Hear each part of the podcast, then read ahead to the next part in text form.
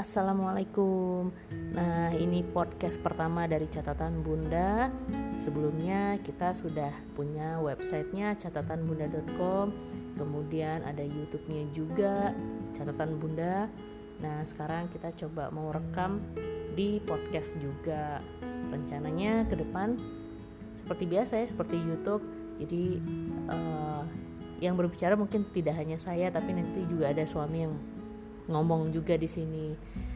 Nah, apa ya nanti ke depannya podcast catatan bunda isinya hmm, nggak mm, jauh-jauh dari uh, website catatan bunda sebelumnya ya wah ya mungkin seputar anak, keluarga dan mungkin hobi kita yang bisa kita sharing di sini.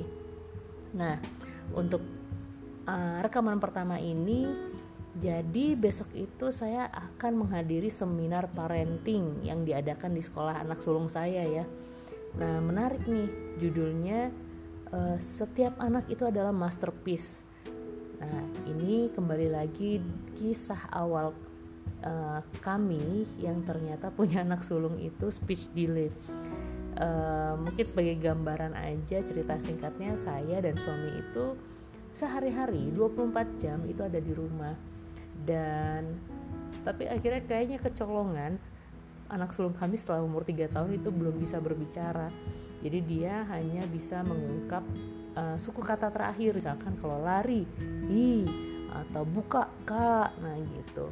Itu pengalaman yang sangat meremukkan hati gitu loh. Nah kenapa bisa seperti itu ya? Tapi setelah diteliti-teliti kita nggak terlalu banyak memberikan dia gadget. Bahkan cenderung jarang sekali ngasih dia gadget karena itu biasanya penyebab anak e, menjadi tidak terlatih ngomongnya seperti itu. Kemudian beriring waktu e, ya e, umur 3 tahun dia terapi bicara kemudian setelah itu baru ketahuan ketika dia TK TKA e, tidak ada perkembangan secara akademis. Jadi misalkan anak di TK-nya itu dia belajar uh, membaca mulai membaca atau mengenal huruf gitu dan mengenal angka. Nah dia sulit untuk berkonsentrasi mengingat-ingat simbol itu gitu.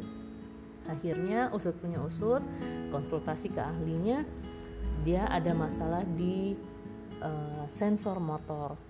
Nah itu cerita singkatnya. Uh, jadi se apa ya kebetulan background saya tuh S1-nya juga psikologi tapi tidak diteruskan untuk jadi psikolog. Nah, yang saya tahu dulu tuh ceritanya kalau psikolog terbaik itu sebenarnya psikolog anak terbaik itu adalah orang tua anak itu sendiri. Yang kenal anak itu adalah orang tuanya, yang mengobservasi sehari-hari anak adalah orang tuanya. Nah, tapi terkadang sering kali itu kita e, merasa kita lebih kenal anak kita gitu.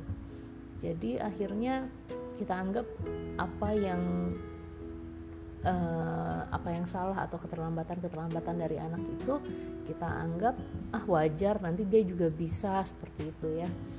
Itu yang saya rasakan dulu. Tapi ternyata itu salah. Kita butuh bantuan orang lain.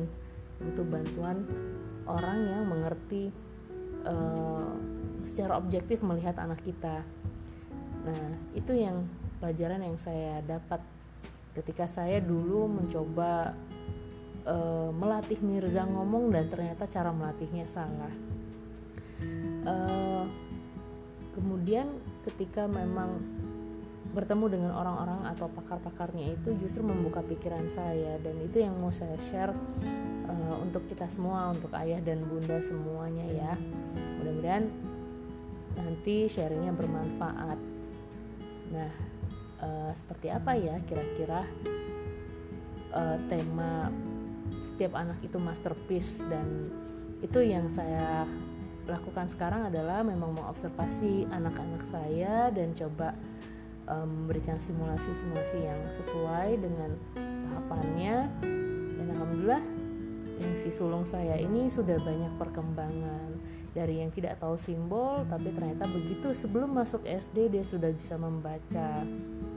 Nah jadi uh, untuk ilmu tambahannya saya akan catat besok dan coba sharing di post di podcast ini ya. Oke sampai segitu sampai sini dulu. Uh, mudah-mudahan berjalan dengan lancar nih rekamannya yuk assalamualaikum warahmatullahi wabarakatuh